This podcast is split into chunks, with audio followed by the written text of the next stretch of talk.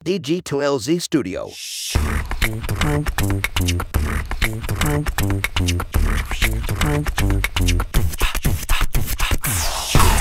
Selamat pagi, siang, sore, atau kapan pun waktu yang teman-teman pakai untuk mendengarkan podcast ini. Kembali lagi bersama saya Panji di podcast Ngobrol Bisnis.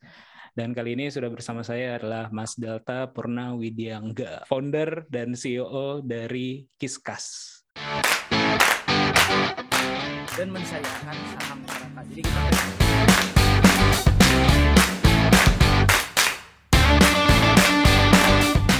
beda sama Jakarta kalau orang Bandung tuh eh, listrik investasiin buat sekolah anak. Golf itu something new. Gitu. Kupu-kupu mungkin. Eh, ayahku tuh satpam gitu kan di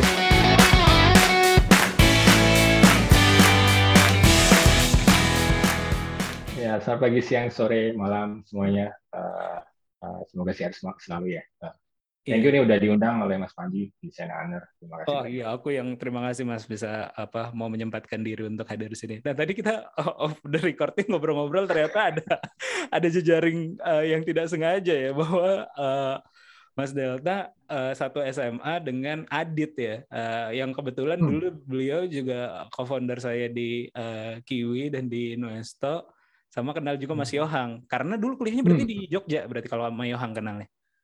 Eh, enggak, kenalnya waktu sudah kerja sih. Oh, kerja. eh, maksudnya pas, sebenarnya kenalnya agak extended. Salah satu co-foundernya Kiskas tuh saya SMA sama Mas Yohang. Itu beda angkatan ya. Ah, Dan SMA-nya Mas Yohang tuh legasinya banyak di mana-mana gitu. Jadi kayak ah. alumninya tuh kuat Nyebar. banget. Jadi somehow kenal Mas Yohang. Jadi Oh, Nah, Oke. kalau Adit memang seangkatan sama saya, jadi dari dulu juga wah sering tahu lah Adit ya Satria. Oh iya iya. Nah, Hmm. soalnya aku lihat profil makanya tadi aku kaget kok kenal sama Mas Yohang di Jogja. Aku pikir eh, kuliahnya di Hmm. Jogja gitu atau dengan Adit kenalnya karena eh, di ITB juga gitu. Adit kan di ITB. Tapi kan aku lihat Hmm. profilnya di eh, LinkedIn hmm, Mas Delta ini di NTU ya berarti ya. ya betul, saya agak Ah. Somehow tiba-tiba jalannya ke sana gitu ya. Jadi alhamdulillah. jadi SMA tuh kayak udah intens, pengen Ah. PMB gitu kayak itu ya. Terus bareng Adit juga bisnis Ah. belajar bareng. Eh, akhirnya terus kayaknya kita bareng-bareng juga ketika itu coba eh, somehow kita nggak tahu NTU apa, terus ada ada yang visit ke sekolah, terus kita banyak lah itu satu gang itu coba, wah kita cobain aja lah gitu. Eh, untuk kemudian coba masuk ke NTU gitu. Eh, ya alhamdulillahnya saya keterima jadi di tahun 2005 terus saya memutuskan malah jadi nggak ikut SPMB gitu. Lalu udah bayar les tahun lebih gitu kan. Mhm. Eh, jadinya malah SPMB eh, Bismillah gitu nggak ada yang kenal di sana siapa mas Eh, Panji jadi kayak ya Bismillah aja jalan gitu Eh, ya alhamdulillah di situ lah di di di NTU saya ketemu co-foundernya Kiskas gitu sampai sekarang jadi kita Hmm. is a, is a turning point moment sih buat saya untuk kemudian dapat kesempatan eh, kuliah di Singapura gitu. Oh, eh, berarti pas NTU itu beasiswa eh, S1-nya. Ya ya Eh, jadi eh, alhamdulillah ada banyak avenue buat pembiayaan ya eh, di NTU mungkin kebetulan buat international student juga jadi alhamdulillah eh, eh, dapat kesempatan untuk ya nggak perlu nggak perlu nyiapin secara biaya nggak perlu lah gitu untuk disiapin Hmm. dan keluarga. Oke. Cuman yang yang bikin deg-degan itu justru Singapura kayak apa ya gitu. Saya kayak belum pernah tuh ngekos gitu, belum pernah jalan-jalan jauh belum pernah terus dan nggak ada nggak ada alumni sama saya yang di sana gitu. Jadi nggak ada yang bisa ditanya-tanya gitu. Mhm. Nanti roommate saya orangnya kayak gimana gitu. Jadi banyak unknowns ya dan itu exciting gitu tapi tetap serem gitu gitu. Oh iya, iya, menarik menarik. Justru itu tadi ya, eh, jadi turning point karena eh, akhirnya ketemu eh, salah satu co-foundernya eh, Kiskas juga, ya, yang Semua co-founder ya. semua co-foundernya NTU. Oke, oke. Mungkin aku udah jadi deh ya. Kalau kita ngomongin startup Indonesia ya, eh, Indonesian base lah paling enggak gitu. Eh, yang menonjol menonjol itu rata-rata adalah lulusan eh, luar gitu. Eh, walaupun Hmm. mungkin ada S1-nya di luar, tapi eh, S1-nya di Indo atau S2-nya di luar, tapi mostly ada ada irisan terkait itu. Kalau menurut eh, Mas Delta sendiri itu eh, ada kaitannya nggak sih? saya juga dulu punya punya semacam teori seperti itu sih Mas Panji bahwa oh, pasti lulusan luar tuh mindsetnya udah lebih pas bikin startup dan sebagainya. Paling cuman kalau saya ngelihatnya sih enggak juga ya Mas Panji ya. uh, mungkin sedikit lebih cepat gitu kayak mungkin dua tiga tahun tuh apalagi ketika saya tahun 2013 pulang mutusin pulang itu uh, coba hire gitu ketika itu di uh, untuk Kiskas mencoba hiring itu susah banget gitu untuk orang tuh sama sekali nggak aware soal ada loh apa karir yang nggak harus ke PNS, nggak harus ke hmm. profesional yang company yang udah ada, tapi ke company yang masih baru banget, nggak ada yang mau masuk. Gitu. Ini siapa? Hmm. Mungkin ngajak saya ke ke company yang nggak tahu siapa. Gitu. Uh, tapi kalau dari sisi capability uh, kognitif maupun uh, behavior yang menurut saya secara mindset di banyak banget kok sampel startup-startup yang uh, foundernya justru dari Indonesia, uh, lulusan Indonesia maksud saya. Mm -hmm. Jadi kayak ya unicorn-unicorn kita banyak banget ya di di Bukalapak misalnya itu hmm. uh, sering banget diskusi sama Syaki, Mas Fajri misalnya atau Mas Sino eh, kaitannya dengan itu dan mereka amazing gitu ketika ngobrol pertama kali itu kayak wah ini udah cepet banget gitu ininya lompatnya gitu. Sesuatu yang ketika itu saya belajar banget banyak, banyak dengan beliau. Gitu. Terus kopi dia juga sama kan itu juga uh, seperti itu kalau saya pahamnya. Jadi uh, mungkin benar ada some sort of uh, mereka kenal duluan aja karena lebih banyak hmm. success story-nya secara terus yang kedua bisa jadi secara infrastruktur memang jauh lebih mature Mas Panji infrastruktur startupnya ya maksudnya hmm. jadi pembiayaan startup uh, pajak hmm. uh, ya, akselerator gitu inkubasi uh, yang baik di kampus maupun di national level itu banyak banget gitu jadi early stage startup itu yang baru-baru mulai banget wah itu udah heaven banget lah di Singapura gitu karena uh, cukup gampang untuk nyari uh, apa fund uh, untuk memulai uh, sebuah bisnis. Terus yang kedua dari sisi pajak apalagi itu sangat sangat apa ya sangat lukratif ya? gitu. Betul, insentifnya banyak. Gitu. Hmm. Jadi itu yang mungkin nah, bahkan sampai sekarang mungkin masih jadi harapan ya buat Indonesia. Tapi secara individu menurut saya sih sangat capable sih lulusan-lulusan Indonesia ya. Iya, ya, ya, mungkin masalah network tadi dan juga ini ya, hmm. ya, apa infrastrukturnya ya lebih lebih ya. dulu lah paling nggak kita masih masih mencoba menuju matang lah mudah-mudahan bisa segera. Nah, Tapi bagus sih udah udah makin banyak success story-nya udah ada yang uh, IPO wah iya, iya. looking forward. Iya ya kejaran IPO-nya uh, eh, di Indonesia kayak gitu ya ada ada ini juga dari IDX ya untuk itu. Uh, nah, ya, betul. yang kedua analisa saya adalah karena saya lihat profilnya juga, uh, ini jadi kayak ngepoin LinkedIn-nya nih,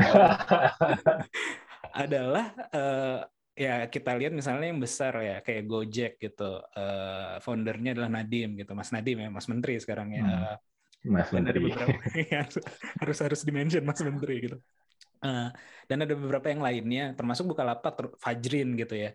Uh, adalah alumni dari uh, apa namanya consulting company gitu. Begitu juga mas oh. Data, gitu kan. Uh, alumni consulting company gitu. Dan termasuk yeah. top five juga gitu uh, consulting company-nya gitu. Apakah itu matters juga nih? Apakah itu adalah salah satu uh, things uh, kalau founder alumni uh, ini apa namanya alumni consulting company ini jaminan sukses gitu.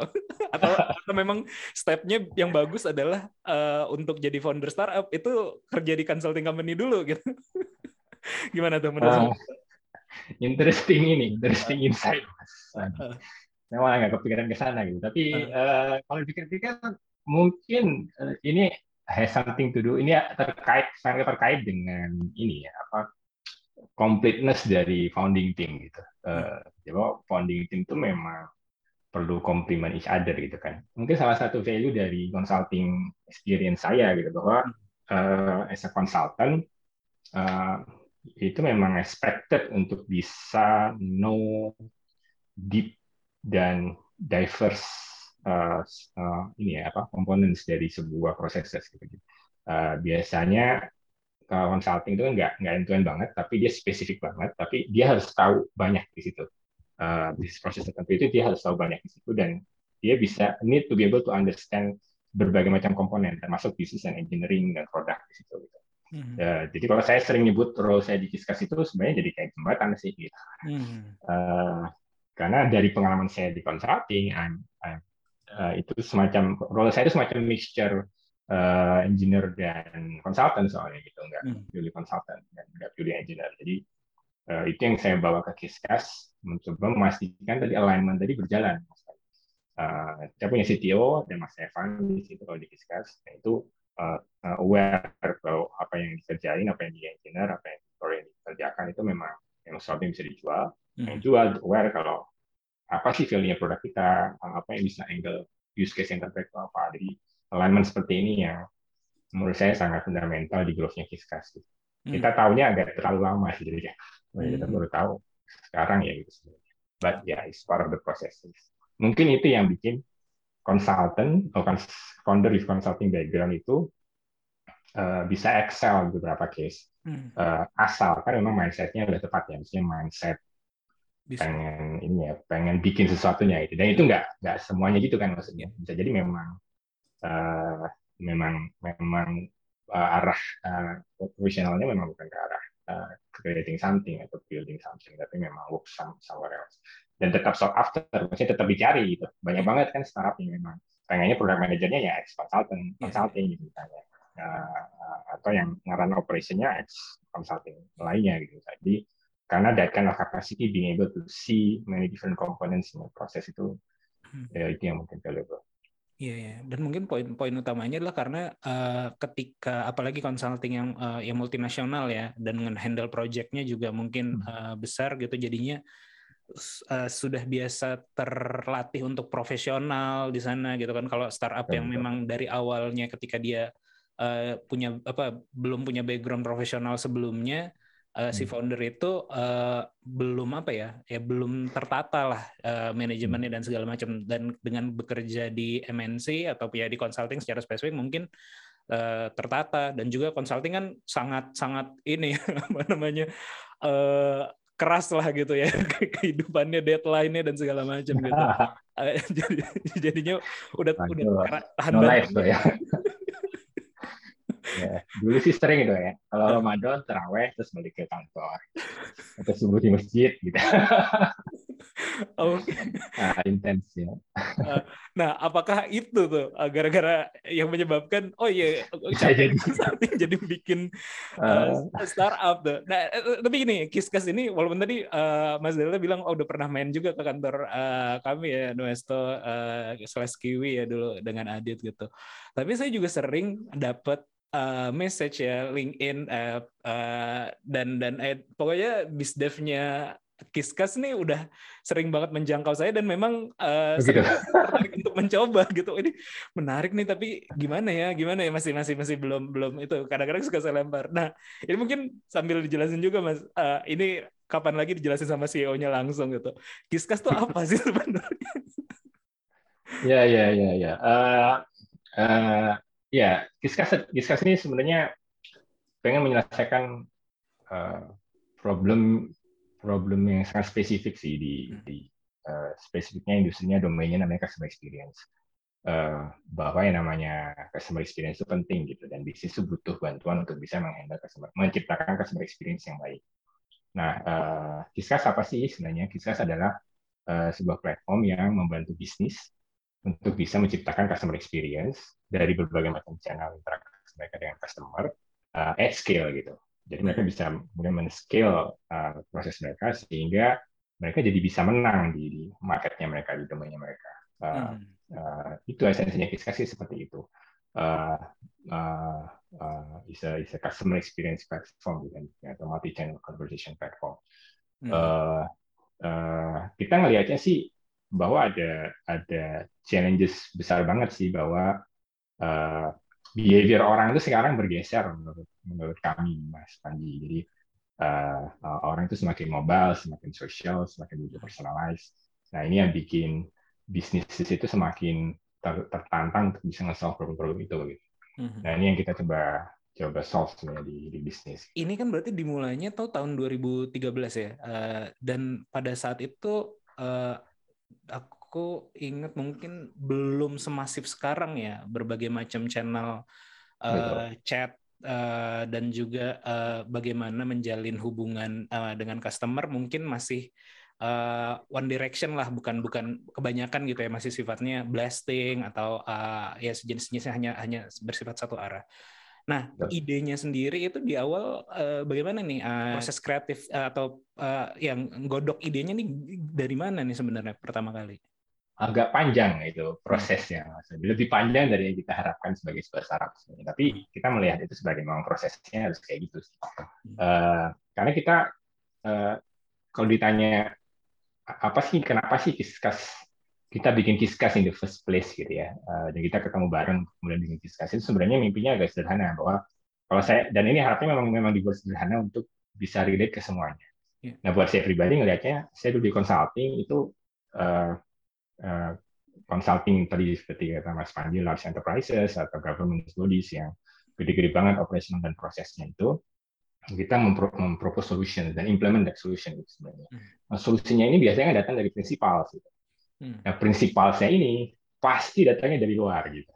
Hmm. Eh, datangnya pasti dari US, pasti datangnya dari eh, eh, mungkin banyak dekat Asia, tapi nggak ada sih biasanya US based company atau Europe based company yang eh, itu dinilai prinsipal atau produknya itu bisa nge-solve large enterprise atau big enterprises problems challenges itu sebenarnya. Yang ini buat kita jadi intriguing sih buat saya pribadi kita gitu kok kok nggak ada ya? At least an alternative Ya. yang lebih dekat yang lebih lokal yang eh, buat buat consulting kayak saya juga. Tapi tetap bisa that that quality is world class gitu. Makanya kita mimpinya sih pengen bikin world class technology company gitu mas Panji. Eh, eh, that's what Cherry eh, pertanyaan selanjutnya adalah oke what kind of problems yang kita coba solve di sini kan sebenarnya. Nah itu kemudian kita masuk ke ranahnya customer experience lah di situ. Uh, karena semua perusahaan butuh customer experience, uh, butuh uh, relasi dengan customer-nya untuk bisa grow, untuk bisa menang. Nah, uh, tapi mekanisme kita untuk menemukan itu tuh agak panjang. Gitu. Uh, uh, dari awal kita pengen. Jadi kalau di dokumen founding dokumennya Kiskas itu, misinya Kiskas itu is to enabling conversations.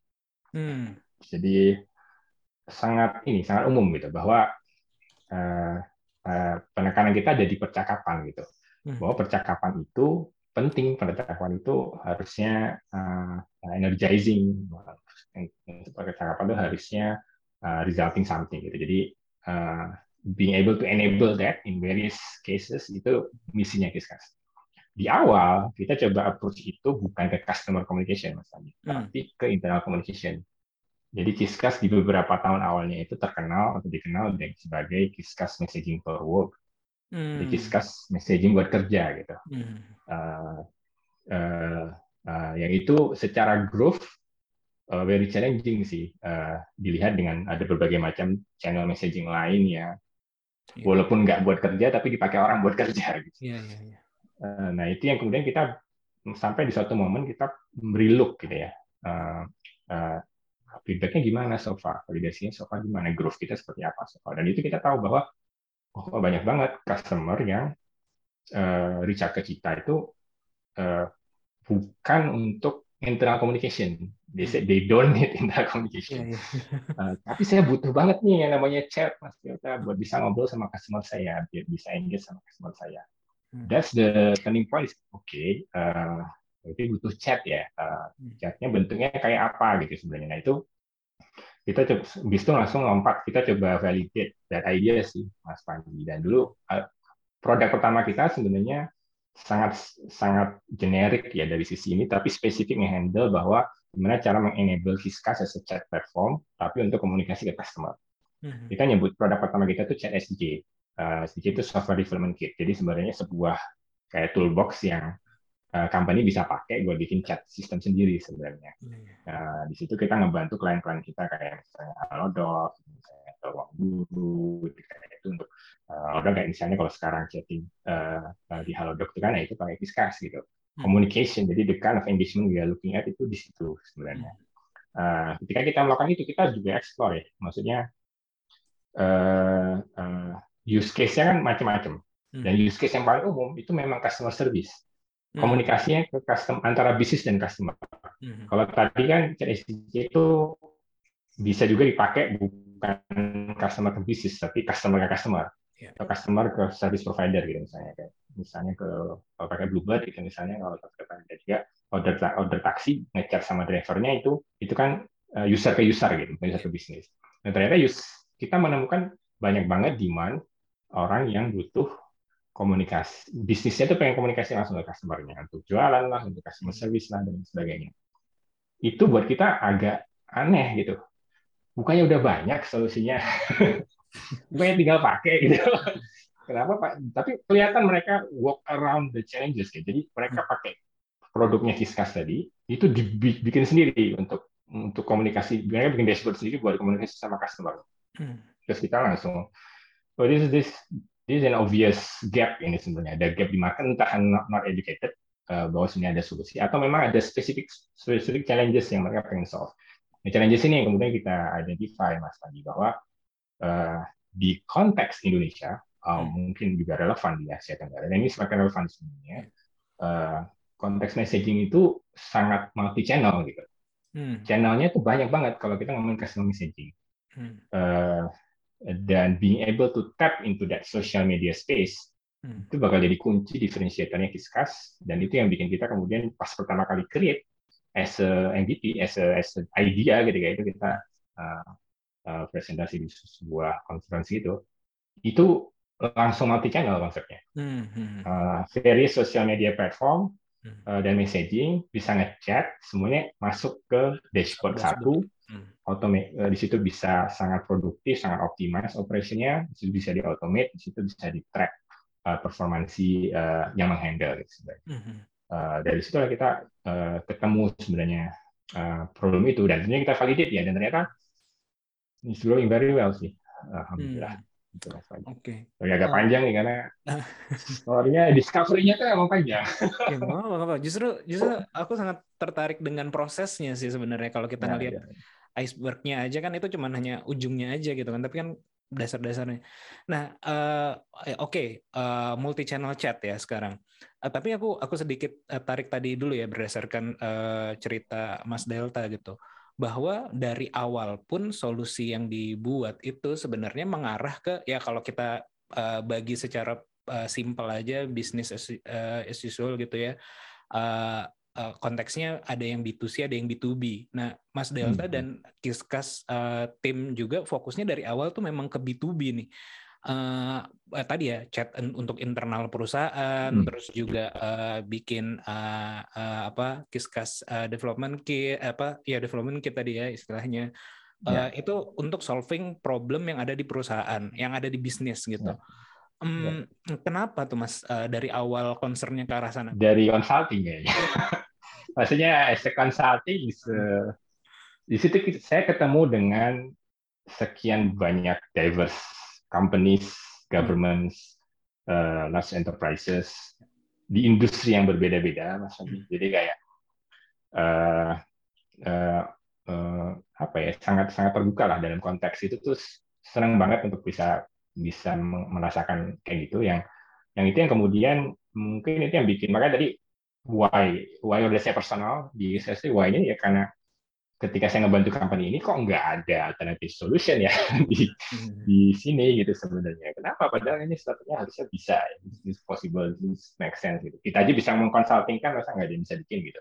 Hmm. Uh, ya si kind of mindset yang dulu dulu muncul sih di saya kemudian uh, dan hmm, di situ baru makanya dari awal kita dari awal kita Uh, itu mungkin salah satu yang menginfluence keputusan kita untuk kemudian fokus ke B2B. Iya, karena saya baca di sebuah buku ya, uh, lupa si penulisnya siapa, judulnya tuh uh, Lean B2B ada ada satu buku hmm. uh, judulnya Lean B2B di buku tersebut dan itu uh, menginspirasi saya banget juga dalam dalam uh, bikin bisnis yang memang mostly saya juga bergeraknya kebanyakan di B2B gitu. Uh, uh, dia bilang tuh uh, ada tiga alasan utama sebenarnya bisnis itu membeli sebuah solusi. Yang pertama itu tujuannya untuk menurunkan cost, yang kedua hmm. adalah untuk meningkatkan revenue, dan yang ketiga hmm. adalah meningkatkan customer satisfaction gitu ya, meningkatkan hmm. kepuasan pelanggan sebenarnya. Uh, dan uh, yang coba di arah apa ya yang disasar sama Kiska sendiri kan poin ketiga terutama mungkin juga revenue juga akan berimpact ya ketika. Customer itu uh, kepuasannya meningkat, uh, uh, makin loyal uh, dan revenue si perusahaan salesnya juga akan makin meningkat gitu. Nah persisnya sebenarnya uh, gimana sih cara Kiskas ini meningkatkan customer experience dan juga meningkatkan ya uh, customer satisfaction ya dalam konteks masing-masing uh, bisnis nih uh, ketika menggunakan solusi dari Kiskas. Yep. Uh, Eh, menarik tadi insight-nya lebih tadi mas tadi hmm. coba saya nanti di link bukunya ya pengen baca. Eh, eh, itu benar banget sih bahwa bisnis itu punya itu mungkin juga salah satu alasan kenapa kita ke B2B bahwa bisnis itu eh, bisa dipredik eh, why they want to take certain solution gitu Hmm. Eh, dibanding konsumen gitu biliar gitu banyak ekspektasinya Eh, eh, eh, eh, makanya kita benar tadi kata Mas Panji eh, kita itu itu yang kita pelajari di solusi kita sebelumnya messaging buat kerja bahwa ketika kita nggak nge-solve one of the three untuk di Mas Panji Iya. susah eh, eh, untuk bisa untuk bisa grow dan messaging buat kerja itu nggak strongly Iya. solve Relate. any one of the three Iya. try itu tapi kayak try to save cost Iya. tapi jauh jernihnya oh nanti lebih produktif oh, produktif lebih gini baru jadi panjang gitu. Hmm. Eh, hmm. beda ketika kita kemudian shift gear to customer messaging Hmm. oh immediately orang langsung klik oh customerku jadi lebih happy nih gitu customerku nanti jadi lebih banyak belinya lebih lebih gede gitu dan makanya kita kita fokus ke customer experience menurut, menurut saya ada tiga so-called driver customer experience dan eh, eh, kenapa ini company seharusnya consider untuk take up maksudnya merasa ini penting sebenarnya. Dan ini yang propel our growth sih mas. Mas Panji. Yang pertama itu sebenarnya memang behavior customer-nya itu sendiri sekarang semakin eh, ada desire untuk eh, curate digital experience. Jadi mengkurasi digital experience. Jadi eh, demand buat mereka bisa experience sesuatu itu eh, semakin lama semakin besar gitu dibandingkan harga dibandingkan fitur gitu. Nah, yang dicari itu experience dan experience ini pengen mereka share ke seluruh dunia juga gitu. Tentunya ini terkait dengan mobile dari sisi teknologi terkait mobile terkait sosial media sehingga orang tuh ya eh, cari sesuatu yang kemudian dia bisa share lagi gitu. Dia bisa share ulang. Itu yang pertama desire untuk eh, curate digital experience, digitalize lah. Eh, terus yang kedua ada shift in power eh, kalau kita analisa. Kalau shift in power itu maksudnya eh, customer itu semakin powerful Hmm. dibanding dibanding enterprise karena sekarang mereka punya ekspektasi terhadap bisnis dan kalau ekspektasi itu nggak ketemu mereka bersuara gitu Hmm.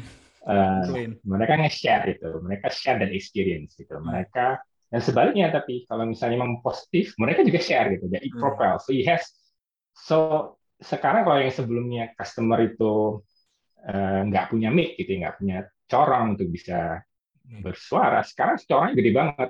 Dan itu menentukan fate perusahaan gitu. Harganya atau stock price-nya naik apa turun itu jadi sangat eh, terkait terkait dengan itu gitu. Dan kita ngelihatnya company nggak prepare bahwa customer mutu sekarang nah, bisa lo komplain di sosial media B bisa lo komplain di mana-mana itu. Dan itu kalau nggak terdeteksi ya itu ya satisfaction-nya jadi turun gitu sebenarnya. Uh, listnya kok turun gitu sebenarnya. Dan seterusnya itu menjadi poin penting gitu mereka nggak prepare untuk punya direct engagement sama customer gitu terus yang ketiga drivernya menurut saya memang teknologi sih mas tadi bahwa Hmm. ya hal-hal ini jadi dimungkinkan karena memang teknologi ini semakin lama semakin bagus gitu Hmm. contoh aja yang namanya customer relationship management system sebenarnya mungkin solusi-solusi yang kayak ada Kiskas ini yang dicoba di solve dengan Kiskas itu sebelumnya sangat mahal Hmm. Eh, cuman bisa dijual ke large enterprise oleh consulting company gitu sebenarnya. Um, tapi dengan adanya cloud technology, uh, uh, segala sesuatu jadi bisa uh, liberating ya. Jadi memang benar-benar bisa terdemocratize gitu. Semuanya jadi lebih banyak yang punya akses. Iya. Uh, kita jadi memang bisa nge-handle segmen-segmen yang uh, nggak enterprise bahkan gitu. Tapi mereka bisa kita yakinkan atau mereka ya, uh, kita percaya bahwa mereka juga butuh customer experience. Mereka butuh bisa nge-handle uh, customer satisfaction dengan baik. Premisnya adalah bahwa ketika bahwa company yang menang Hmm. uh, uh, adalah companies yang bisa nge-handle uh, customer experience, menciptakan customer experience di channel-channel yang berba- berbagai berbagai macam. Uh, uh, itu yang mereka kemudian bisa menang di, di, di experience ekonomi ini gitu. Hmm. There's, there's such a term experience economy iya, iya. uh, bahwa orang experience ini. Uh, nah ini yang coba kita bantu sih Mas Panji untuk Iya. kemudian ngebantu bisnis memenuhi ekspektasinya customer tadi, menciptakan experience melalui bahwa ketika mereka berinteraksi dengan bisnis di sosial media, di messaging itu uh, optimal gitu, itu baik gitu dan itu sesuai. Iya, iya, sih. Iya, karena saya lihat juga ya eh, di beberapa perusahaan ya, ataupun juga eh, yang kelihatan banget mungkin di government sih sebenarnya. ya. Tapi tapi mungkin mungkin eh, arahnya nanti Kiskas juga ada klien di sana juga ya dalam dalam ini Ya, juga. Eh, karena ada beberapa hal, walaupun bukan jadi prioritas, tapi ada.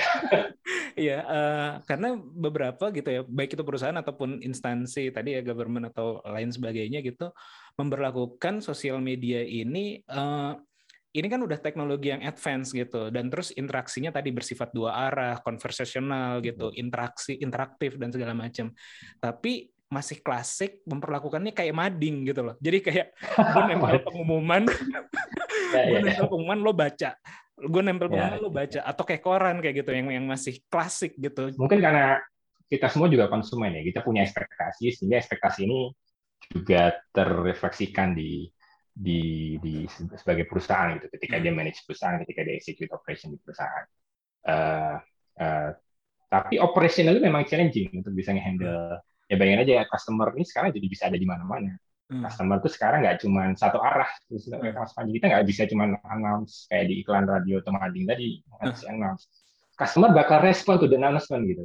Dan cara kita handle that is very important gitu. Jadi jadi makanya hal-hal yang kayak misalnya wah ini iklannya rasis gitu misalnya Hmm. harus hati-hati kan karena sekarang jadi ada feedback baliknya Iya. dan feedbacknya bisa sangat sangat viral gitu Eh, eh, itu jadi harus hati-hati bahkan bahkan posisi yang tadinya memberikan informasi pun menjadi penting untuk bisa ngehandle feedback baliknya yang lebih lagi adalah eh, customer tuh nggak cuma pengen informasi Hmm. Mereka pengen problem mereka di solve gitu Hmm. aku ada problem ya aku nyari nyari ini ya nyari Instagramnya gitu misalnya Hmm. atau nyari nomor nomor HP-nya misalnya Hmm. bisa dikontak gitu sebenarnya Eh, dan itu perlu dihandle gitu Eh, jadi mereka nggak cuma minta informasi secara eh, dapat info kemudian jualan bukan cuma seperti itu Hmm. mereka pengen kalau misalnya ada problem mereka di solve mereka sosial media Hmm. kalau misalnya mereka ada refund itu di handle-nya pakai sosial media Eh, eh, jadi mereka bisa memilih channel yang menurut mereka paling nyaman buat masing-masing mereka gitu. Hmm. Nah, ini yang saya ngelihat secara operation sangat challenging dan walaupun bisnisnya pengen kayak gitu, nah tetap susah gitu loh. itu yang kita coba bantu sebenarnya. Iya iya betul betul betul. Iya biar eh, ekspektasi dari pelanggan terpenuhi, eh, satisfaction eh, pelanggan puas, salesnya meningkat juga kayak gitu ya. Nah kalau Efeknya tiga, efeknya tiga sebenarnya. Yang pertama mau revenue. Ah. Kalau misalnya customer experience-nya bagus, efeknya tiga. Yang pertama tuh uh, revenue nambah. Itu sekitar 80% kalau berdasarkan datanya. Hmm. Uh, uh, so companies with good customer experience will have bigger revenue. Hmm. Uh, revenue bakal lebih besar. Terus yang kedua, harganya lebih premium. Hmm, bisa set the price ya. Betul, karena mereka customer tuh mulai uh, ngelihat experience juga sebagai determinasi faktor nggak cuma harga dan fitur gitu Hmm. uh, dan produknya tapi juga experience yang dia handle gitu. Cara oh ini gampang di approach nih via sosial media. Oh ini uh, handlingnya bagus banget di sosial media. Oh ini uh, nah itu jadi determinasi faktor gitu. Hmm. sehingga orang ex- cus- company yang bisa mengeksploit customer experience yang bagus harganya bisa lebih premium. Arpunya kalau bahasa teknisnya arpunya lebih tinggi uh, average revenue per usernya bisa lebih tinggi Hmm. Terus yang ketiga lebih loyal. Uh, at least 70% loyalty sih. Jadi memang uh, uh, uh, uh, uh, company dengan customer experience yang baik itu bisa meningkatkan customer loyalty. Uh, jadi mereka nggak nggak pindah gitu sebenarnya. Iya. Mas. Ayo, eh, kalau kita bicara sosial media, sekarang juga udah mulai ya shifting tadi ya, seperti yang Mas eh, Delta bilang juga, orang juga eh, mencari produk dan segala macam di sosial media kayak gitu. Makanya istilahnya mungkin udah lagi udah kayak social commerce lah mungkin ya, bukan lagi sekedar e-commerce ataupun marketplace orang nyari produk kayak gitu, tapi ya social commerce gitu. Dan yang apa ya, yang salah satu leading ya kalau di Indonesia kan ya Instagram kayak gitu ya, yang paling eh, masif lah gitu ya dalam konteks eh, commerce-nya ataupun juga eh, ya tadi sebagai sosial media per se juga kayak gitu. Nah, Kiskas ini kan punya eh, aku lihat punya produk ya yang namanya Messenger API for eh, Instagram. Nah, ini eh, apa sih Mas sebenarnya kalau boleh diceritain? Ya, jadi uh, Kiskas Messenger API for uh, Facebook Messenger API for Instagram yang itu diimplementasi di Kiskas itu uh, bagian dari suite uh, uh, Kiskas multi channelnya Kiskas ya, bahwa tadi ya Kiskas multi channel kita membantu bisnis ngehandle multiple channels dengan konsisten dengan baik dengan scalable. eh, benar seperti kata Mas Panji, salah satu yang paling prominent di Indonesia termasuknya eh, sosial media yang paling prominent adalah Instagram. Ya. Eh, saya berapa kali misalnya konsultasi apa konsul sama eh, konsul atau mentorin startup-startup itu, saya sering banget sekarang udah nggak lagi apalagi di awal-awal ketika di awal-awal mereka masih memvalidasi idenya Hmm. nggak perlu lah bikin Android apps atau Hmm. iOS apps bikin aja Instagram gitu Instagram. Post that bagus eh, apa eh, eh, try to promote kalau misalnya produk pun Hmm. see if people actually responding gitu sebenarnya Eh, mungkin punya website is a good plus point tapi kalau harus sampai bikin aplikasi tiga bulan dua bulan wah itu lama uh, yang Instagram validate prosesnya uh, karena segampang itu uh, untuk create uh, sesuatu di Mhm. Instagram dan mulai menghandle. Uh, uh, saya pribadi sering banget, bukan saya sih, sebetulnya istri ya yang kemudian beberapa kali saya surprise gitu kok bisa nemunya di Instagram gitu. Uh, contoh aja nih rumah gitu kayak misalnya tuh eh, saya sebenarnya ngontrak cukup lama ini. Saya kontraktor lah. Uh, gitu istri lulus uh, S2-nya itu saya kemudian oh ya coba cari rumah yuk gitu. Dan istri nyarinya di Instagram. Dan ya ya dapat gitu loh. Rumah ini tuh namanya Instagram. Uh, jadi kayak kok bisa ya? Jadi kayak dari Instagram dengan filter terus jadi nemu tiga tiga kontak person yang udah kelihatan ini jadi kemudian kita kontak buat visit kita udah tahu karena dari gambarnya udah cukup clear dan transaksi udah tinggal ya udah tahu loh lokasinya ruang tetangganya gitu-gitu udah jadi jadi itu aja yang perlu divalidasi. Nah, eh, poinnya adalah eh, menurut saya memang salah udah jadi staple sih, udah jadi fundamental buat bisnis itu punya Instagram account. Uh, dan bisa di reach di, di, di Instagram dan punya presence di situ. Jadi dia nge-post komen. Karena gampang banget dan mekanismenya eh, apa ya? eh, audiensnya itu gede gitu di Indonesia. Karena yang mereka banyak banget gitu. Uh, dan cukup mudah untuk kemudian mengekspos konten-konten yang dibuat oleh company tadi. Challenges-nya adalah ketika mulai ada yang datang ya. Jadi kita buka toko udah mulai ada yang datang gitu sebenarnya. Eh, pertama-tama tentunya bisa dengan mudah dihandle ya, manual gitu, sendirian aja, foundernya aja yang handle gitu sebenarnya. Eh, eh, tapi mulai muncul semakin grow the, the companies, ini mulai muncul challenges-challenges lain, gitu. yang itu challenges at scale, yang itu susah untuk bisa dihandle di existing Instagram yang bukan API, Mas Hmm. Panji gitu. Jadi itu yang eh, coba kita bantu dengan support kita ke mes- eh, Messenger API for Instagram. Eh, bagaimana bisa menghandle, menciptakan customer experience yang baik di Instagram at scale. Semua touch point yang kaitannya sama Instagram tuh bisa kita capture. Eh, eh, karena API-nya cukup lengkap gitu, termasuk ada yang disebutnya private replies misalnya. Eh, yang mungkin lebih jarang dengar private replies itu misalnya ada orang eh, komen ke post kita, itu kita bisa bales sebagai DM eh, ke Instagramnya. Nah, jadi langsung engage, oh ya gimana gimana lebih lanjut interaksi dari situ. Dan itu via Kiskas. Menarik, menarik. Terus tadi seperti disebut eh, icebreaker atau quick reply. Nah itu juga itu mem- membantu orang untuk men-trigger conversation gitu. Pas dia buka eh, profilnya, buka message-nya, eh, dia bisa nanya nanya cepet banget eh, eh, bisa di automate di situ sebenarnya proses beberapa proses itu sendiri.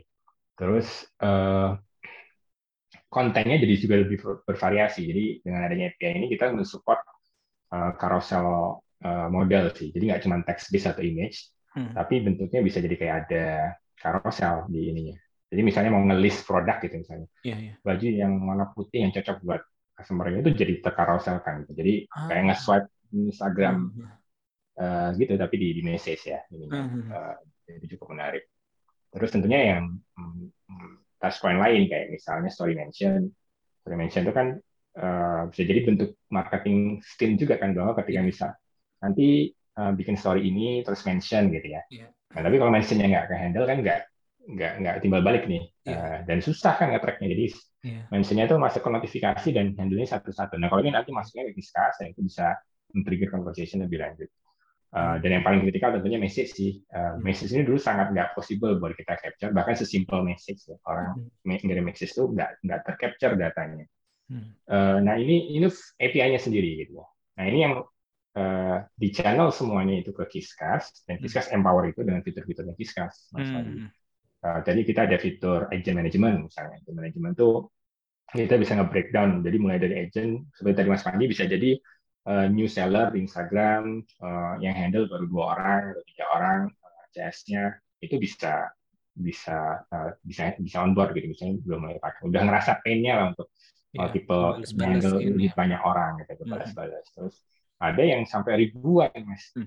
kayak jumlah yang handling sosial media itu bisa sampai ribuan gitu. Dan Hmm. itu bisa kita handle gitu. jadi bisa di breakdown berdasarkan divisinya bisa kita apa route sesuai dengan divisinya misalnya berdasarkan breakingnya dan seterusnya. Bisa ada automation bisa.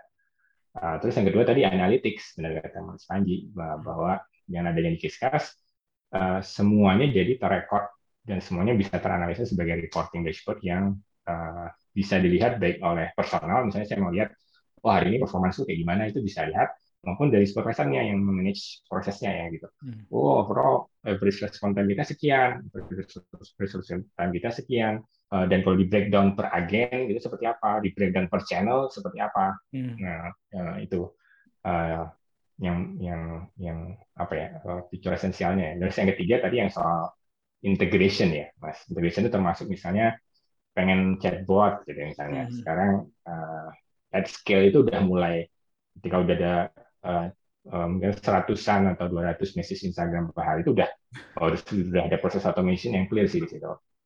Paling nggak untuk ngerespon, paling nggak kemudian untuk bisa engage beberapa FAQ yang ada di sana gitu. Beberapa case malah bisa transact via the chatbot gitu. Jadi ada Hmm. commerce, social commerce tadi seperti kata Mas Panji. Jadi Hmm. dia bisa nanya produk, bisa beli produk, nanti ada payment link-nya langsung dibayar di situ. Hmm, hmm, hmm. Jadi experience-nya udah bisa end to end di situ. Uh, ataupun integrasi yang kayak sifatnya tadi data. Jadi customer data, CRM. Uh, uh, apalagi kalau ngomongin klien-klien kita kebetulan ada yang kita semuanya ada dua ya, SMB Hmm. gitu ya, SMB. Ada yang memang enterprises. Enterprises itu memang melihatnya jadi eh, pengen banget mereka ngelihat data-data customer gitu. Karena yang ngelihat kan nggak cuma CS dan supervisor ya, tapi DN ada company apa divisi lain yang pengen lihat ada ini dan data customer-nya pengennya holistik gitu ya. Dan sosial media kan cuma sebenarnya salah satu channel aja gitu. Mereka juga ada offline event misalnya, mereka juga ada Mhm. toko yang ke toko siapa, mereka juga ada membership. Hmm. Nah itu kalau perlu bisa jadi perlu di channel ke sebuah customer data platform sendiri gitu, atau CRM system. Uh, Betul, kalau betul. mau pakai gimana nih mas? aku aku makanya tadi kan di awal aku mulai dengan beberapa kali juga uh, sering dapat ininya sering dapat apa namanya uh, decknya lah atau penawaran yang discuss. Iya, iya. Sebenarnya secara real nanya langsung agresif, Tapi sering saya contoh tuh yang kayak gitu-gitu kadang-kadang kalau LinkedIn tuh saya capture terus saya nih nih kalau message kayak gini nih gitu ke tim sales Oh. kadang-kadang eh, karena bikin kita terpancing juga gitu itu benar Iya, iya. Eh, eh, Iya, gampang banget sih eh, eh, untuk bisa dapetinnya, Mas Mas Andi. Eh, eh, eh, sebenarnya coba di search aja tentang Kiskas. Nah itu salah satu view-nya juga ada ada di ada di situ ya untuk ingin tahu detail lebih lanjut tentang Kiskas dan Oke. Messenger API for Instagram. Mas basically sebenarnya kita kebetulan lagi ada promo period eh, Mas Panji gitu ya. Eh, jadi kita lagi nyediain free trial Hmm. selama bukan seminggu, bukan dua minggu, bukan sebulan, tapi 90 hari. Jadi Oh. se- tiga bulan gratis Bulan. pakai multi channel chat, eh, kisah multi channel plus Instagram, eh, Facebook Messenger API for Instagram tadi. Eh, yang itu udah enabling eh, tadi eh, kita bisa udah ngebantu teman-teman bisa ngebantu teman-teman untuk bisa menciptakan customer experience yang baik di eh, channel Instagram especially dan kemungkinan untuk mengexpand proses operationnya jadi juga jauh lebih baik gitu sebenarnya Mhm. cara ini tuh ada di linknya tuh bit.ly kalau mau sign up-nya ya maksudnya. Ya, ya. bit.ly slash kiskas expandi Prabowo Oke, nanti Jadi ini yang bisa aku taruh di deskripsi juga ya yang Oh, ya, siap. Instagramnya biar bisa gampang eh link ininya ya link nah, untuk daftar. diklik gitu ah, biar bisa langsung. Eh, dan rate 90 hari ya, tiga bulan ya. Luar biasa, mantap sekali. ya but ini only valid for 50 50 companies jadi cuma cuma Oh, berlaku oke. 50 perusahaan Oke. jadi silakan Oke, batasannya adalah di quantity ya. Berarti eh, Ya. Oke, ini mungkin nanti saya juga eh, yang awal-awal nyoba. Eh, kalau kalau yang udah menggunakan siapa aja nih Mas eh, sampai sekarang ya yang eh, apa eh, Kiskas multi channel dan juga eh, apa API in- eh, Messenger eh, for Instagram. Ya, by the way, industrinya unik-unik ya. Karena Instagram itu Ada yang unik. enterprise, memang. ada yang gede gitu ya, ada yang juga yang medium lah ya. Eh, Betul, betul, Oke. betul. Hmm. Eh, yang pertama tuh mungkin Choco Chips yang saya highlight. Choco Chips Choco Chips. itu eh, itu fashion industrinya. Jadi mereka jualan eh, apa self manufactures apparels gitu untuk untuk eh, audiensnya mereka. Itu dari dulu memang eh, ini udah lama, sebenarnya udah 10 tahun lebih eh, tokonya dan punya toko offline juga di Hmm. lima kota, eh, di lima tempat di Medan, di Jakarta maupun di eh, oke, gede ya. Surabaya, eh, lumayan gede dan mereka sangat aktif di Instagram. Heeh. Jadi mereka sering bikin live gitu. S- eh, eh, terus mereka punya follower 300 ribu lebih di Instagram. Eh, dan ini seperti saya bilang tadi, mereka eh, banyak banget yang message di Instagram. Tapi Iya. handlingnya tuh sekarang harus dipisah gitu dengan yang lain. Mereka bisa ada 30-an messages per hari eh, eh, yang masuk dari Instagramnya mereka dan itu bisa untuk handle dan selama ini nggak bisa nggak bisa buat sales ya karena nggak nggak ada nggak ada toolsnya untuk bisa Iya, iya. handle itu. Nah ini coba kita bantu mereka on board Iya. Eh, berdasarkan analisa kita bareng sama mereka kemarin mereka double their sales performance karena mereka buka Wow. sales teamnya bisa bisa Menjangkau yang Instagram juga. Oke. betul Menarik, menarik. Yang kedua yang agak unik juga itu eh, termasuk industri healthcare. Ah, Mungkin oke. industri healthcare kali. Healthcare ini lebih ke kalau pernah dengar namanya Morula. Ah, Eh, oke. Morula IVF itu Morula eh, mungkin terbesar in terms of eh, program bayi tabung di Indonesia ya. Eh, Oh. Jadi eh, eh, jadi salah satu klinik fertilitas terbesar di Indonesia itu namanya Morula IVF ada di 10 kota kalau nggak salah dan eh, sangat luar biasa yang terkenal gitu sebenarnya eh, Morula IVF itu sendiri dan dan sama seperti tadi konteksnya mereka eh, nggak punya mereka lebih banyak bahkan dari sisi eh, aktivitasnya di Instagram bisa sampai 50 message sehari 50 chat eh, yang masuk sehari dan mereka punya dedicated customer service sendiri yang ngurusin Instagram ini yang itu terpisah dengan Discuss Iya. tadi, dan nggak bisa terukur dengan baik gitu. Nah ini yang kemudian kita on board dan sekarang mereka bisa nge-handle nge-handle eh, Instagram juga dan goalnya ini customer support. Kebetulan kalau tadi kan jualan ya sales, ini customer support dan pengukuran mereka yang paling bagus sih customer satisfaction ini ya score gitu. Hmm. Mereka bisa mencapai 4,86 dari 5 itu Oh. bagus banget sih menurut saya kalau dari sisi Hmm. customer satisfaction score gitu. Hmm. Nah itu yang yang dua ini mungkin bisa jadi contoh sih Mas Panji. Iya, Dan iya. Iya, industrinya itu. cukup berbeda ya. Jadi kayak Nah, eh, luas dan ya. use case-nya berbeda ya. Satu Ah. jualan, yang satu customer customer service. eh, customer support ya. itu menarik banget sih karena ya, tadi aku bilang ya banyak eh, apalagi aku biasanya di Bandung jadinya banyak banget teman-teman yang level apa ya level eh, eh, punya offline store juga yang kayak tadi fashion gitu misalnya Hmm. yang memang aku ngelihat ya follower Instagramnya ratusan ribu dan segala macam dan memang hanya mengandalkan itu untuk aku nggak kebayang tuh eh, apa ya operasional adminnya apakah punya banyak handphone atau bagaimana di ketika integrasi nanti dengan Oh, tapi biasanya dipindah itu mas Ah. messaging biasanya, ke iya messaging lain, operationnya karena Oh, eh, karena jadi- tidak memungkinkan ya biasanya di profilnya tuh misalnya jadi ada misalnya CP eh, satu order dua, gitu. hubungi CP satu CP dua CP ya, ya, tiga. ya, ya, betul betul betul.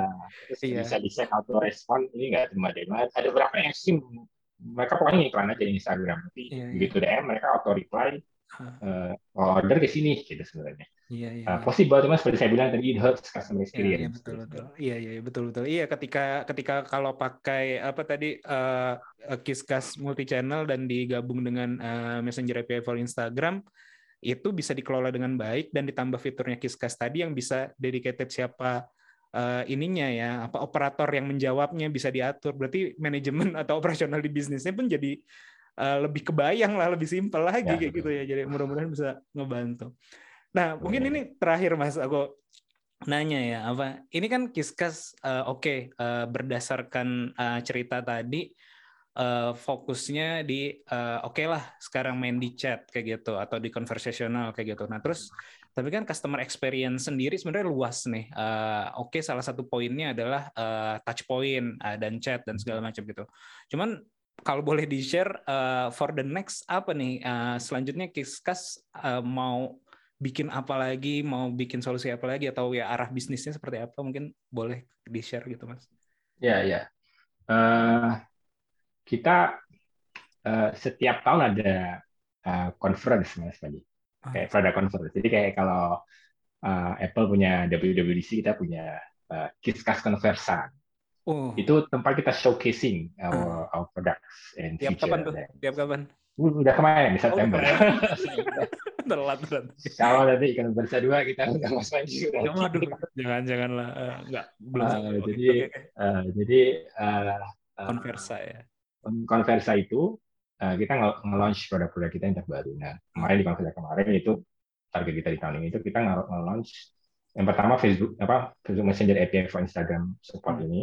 Nah, itu kita kita ceritakan juga di situ. Kita uh, juga nge-launch uh, Contact namanya, Discuss Contact itu adalah semacam CRM light uh, yang immediately bisa nge-handle meng-capture data-data customer yang dibutuhkan. Uh, ini juga nanti kemudian memudahkan integrasi ke CRM yang uh, lebih sophisticated gitu sebenarnya. Nah, uh, penekanan utama dari kontak ini adalah dia bisa melakukan segmented broadcast. Uh, jadi dia bisa misalnya bikin segmen-segmen tertentu yang baru datang atau yang masih masih progress closing gitu misalnya atau yang post closing itu bisa di broadcast message dengan uh, personalized gitu jadi masing-masing bisa di automate dan bisa di schedule. Terus yang kedua yang kita launch itu adalah uh, RoboLabs. RoboLabs ini automation layernya Kiskas. Uh, yang kita salah satu tadi ya uh, challenges bisnis at scale itu selain by default memang susah handle-nya juga mekanisme automation itu jadi penting. RoboLabs ini adalah chatbot engine integrator, Mas. Mas. Hmm. Uh, jadi kita bekerja sama dengan uh, chatbot engine provider yang sudah cukup banyak, partner-partner Kiskas juga. Itu bisa ada layer integrasi yang uh, komplit ada di Kiskas untuk use case tertentu. Sehingga benar-benar buat bisnis itu cuma benar-benar asal dia bisa ngisi spreadsheet. Question answer, question answer, question answer, dia upload ke RoboLabs, itu udah jadi chatbot. Hmm, Oke. That simple gitu. Uh, jadi for business yang pengen butuh automation, tinggal pakai gitu sebenarnya. Terus yang ketiga yang kita launch itu namanya Kiskas App Center. Hmm. Nah, Kiskas App Center ini adalah uh, platform kita untuk menciptakan, mimpi kita kan pengen bikin CX ecosystem, Mas Panji. Hmm, customer. Uh, jadi yang namanya customer experience seperti kata Mas Panji, gede banget, Iya. banyak banget komponennya gitu. ya. Uh, dan masing-masing company mungkin punya preferensinya sendiri-sendiri gitu. Nah, uh, dengan adanya App Center ini kita pengen create ekosistem yang mana uh, customer-customer Kiskas itu bisa kemudian meng, meng, meng, meng- add opt-in atau menggunakan produk-produk dari partner-partner Kiskas yang ada di App Center gitu. Hmm. Jadi, misalnya untuk customer satisfaction, misalnya untuk customer survey, Hmm. misalnya untuk analytics, misalnya untuk CRM, misalnya untuk chatbot, gitu. ya. Jadi eh, mereka tinggal, oh ini ada yang bagus, eh, ada rekomendasi ini bisa bisa subscribe langsung di situ.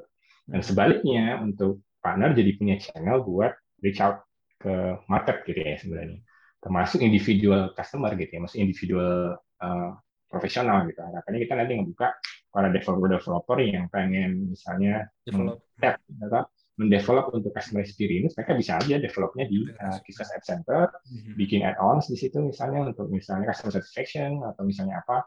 Nah, itu saya yakin banyak banget yang bisa uh, uh, bentuknya bisa macam-macam dan dari situ mereka kemudian bisa jualan di Kiskas gitu sebenarnya. Hmm. Iya. Uh, ini sih uh, uh, visionnya, in visionnya kita bakal ke arah sana Mas. Uh, CX ecosystem gitu, bahwa CX ini gede banget space-nya dan kita pengen bareng-bareng sama berkolaborasi sama partner-partner kita dan partner-partner lainnya untuk bisa men-serve uh, market ini bareng gitu. Gitu, Hmm, iya. itu menarik banget sih kayak eh, ya eh, berapa platform besar kan juga ya SDK SDK kayak gitu dia, dia provide di mana developer bisa build on top kayak gitu dan jadinya Betul, betul. ya, integrasi di dalamnya apalagi kalau udah ceruknya udah segede gini dan di branding dengan eh, customer experience eh ekosistem itu ya nanti akan itu keren banget sih mas. Ah, mudah-mudahan sukses Amin. terus deh. Eh, ya terima kasih mas. Eh, mungkin gitu aja. Terima kasih atas eh, waktunya ya eh, dan insight-nya. Eh, saya Sama-sama, banyak Mas banget belajar nih eh, dan semoga Kiskas eh, sukses terus juga. Dan tadi ya eh, buat teman-teman yang buat dengerin yang udah dengerin juga jangan lupa ada eh, istilahnya apa promo free trial tadi ya 90 hari Ya, betul. uh, untuk menggunakan Messenger API for Instagram dan juga uh, Kiskas multi channel uh, platformnya. Nanti linknya aku taruh di deskripsi gitu. Eh, sekali lagi makasih Mas Delta eh, dan teman-teman yang udah dengerin eh, sampai Terima kasih, akhir. terima kasih Mas Panji. Ya, eh, eh, sampai ketemu lagi di podcast eh, ngobrol bisnis episode episode selanjutnya. Bye bye. Bye.